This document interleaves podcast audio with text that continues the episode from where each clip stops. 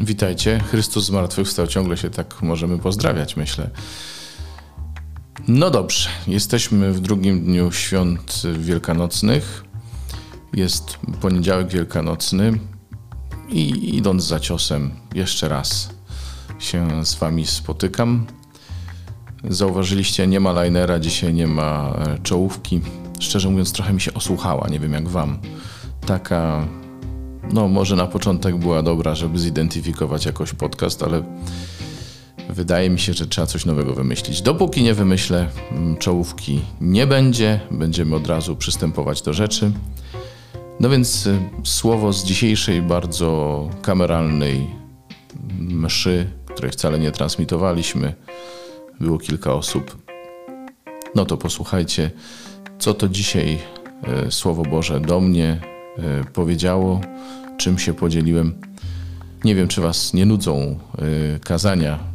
Ja cały czas mam pomysły na różne podcasty, na różne odcinki y, związane z, i z tematami różnymi, z różnymi rozmowami, ale póki co się nie wyrabiam z tym. Dajcie może znać, napiszcie na podcast poznajomości pisane przez podcast i bez polskich liter oczywiście podcast poznajomosci małpa gmail, czyli gmail.com, czyli com. No, a teraz już przechodzimy do słowa. Pozdrawiam świątecznie, trzymajcie się. Jesteśmy już y, po zmartwychwstaniu i oprócz tego, że jesteśmy po zmartwychwstaniu, to już od razu e, mamy pierwszą katechezę taką, co, co my robimy ze zmartwychwstaniem, a co mamy zrobić ze zmartwychwstaniem.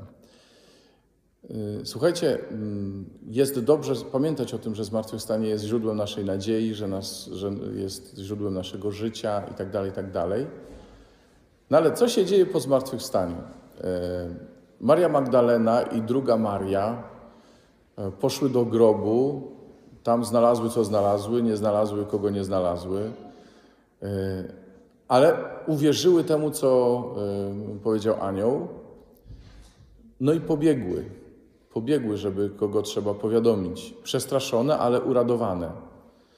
Taka normalna reakcja serca, nie? Z jednej strony, no przestrach jednak, bo to umówmy się, że zmartwychwstanie nie jest kwestią codzienną i, i jakże się mogły spodziewać czegoś podobnego. Y, ale też uradowane, bo jednak ich Pan żyje. I co się dzieje, i co się dzieje po drodze? Spotykają Jezusa, spotykają go, rzucają mu się do nóg, chcą go uwielbić. To jest ten Jezus, którego one znały, bo go rozpoznają, chociaż inny, bo nie wiem, czy wcześniej upadały mu do nóg, o tym, o tym się nie pisze, chociaż, chociaż kto wie, być może. No i Jezus mówi do nich: idźcie do Galilei, niech pójdą tam moi uczniowie, tam mnie zobaczą, tam się spotkamy. I ja nie ukrywam, że się trochę y, chcę chwycić tego, co powiedział papież Franciszek ostatnio, a mianowicie on mówił, że y, Galilea to między innymi, on tam kilka różnych y, znaczeń Galilei podał, ale między innymi Galilea to jest nasze życie codzienne. I gdzie my spotykamy zmartwychwstałego? No słuchajcie, jasne, przy, przy okazji różnych spotkań, modlitw i tak dalej, zgoda ale my zmartwychwstałego spotykamy w naszym życiu codziennym. Spotykamy go o tyle, o ile mamy prostotę e, Marii Magdaleny i jej koleżanki. E, spotykamy go, o ile rozpoznajemy w nim tego Jezusa, którego znaliśmy jako człowieka, jako kogoś, kogo spotykaliśmy na co dzień. Rozpoznajemy w nim Chrystusa zmartwychwstałego, czyli kogoś niezwykłego. No bo jest jeszcze druga postawa, e, mianowicie starsi ludu. Opowiedzieli, co się stało,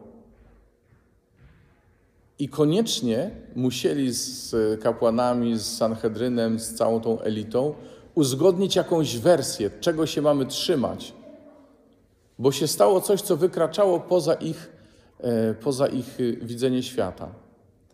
I wymyślili sobie taką legendę, którą rozpowszechniali, i którą wielu do dziś rozpowszechnia, że to wykradzione ciało Jezusa, że że uczniowie wykradli ciało Jezusa, żeby było, że zmartwychwstał, że to tylko legenda taka i tak dalej, i tak dalej.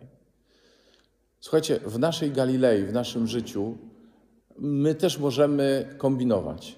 My też możemy mieć taką postawę, która wszystko sprowadza do tego, żeby nam się wszystko zgadzało i żeby było po naszej myśli.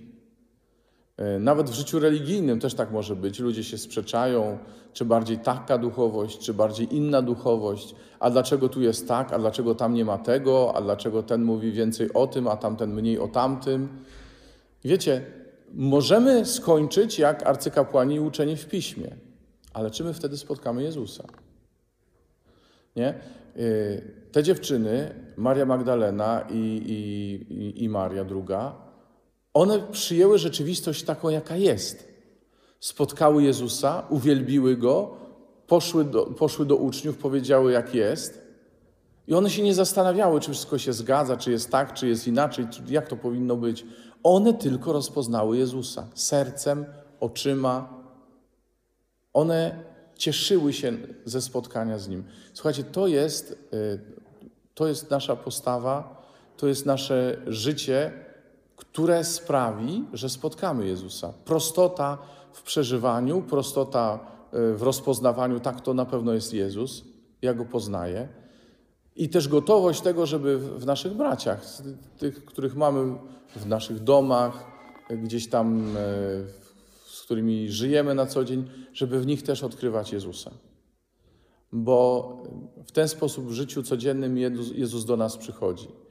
I nie zawsze będziemy mieli górę tabor, na której usłyszymy grzmoty, pioruny i głos z nieba, który powie.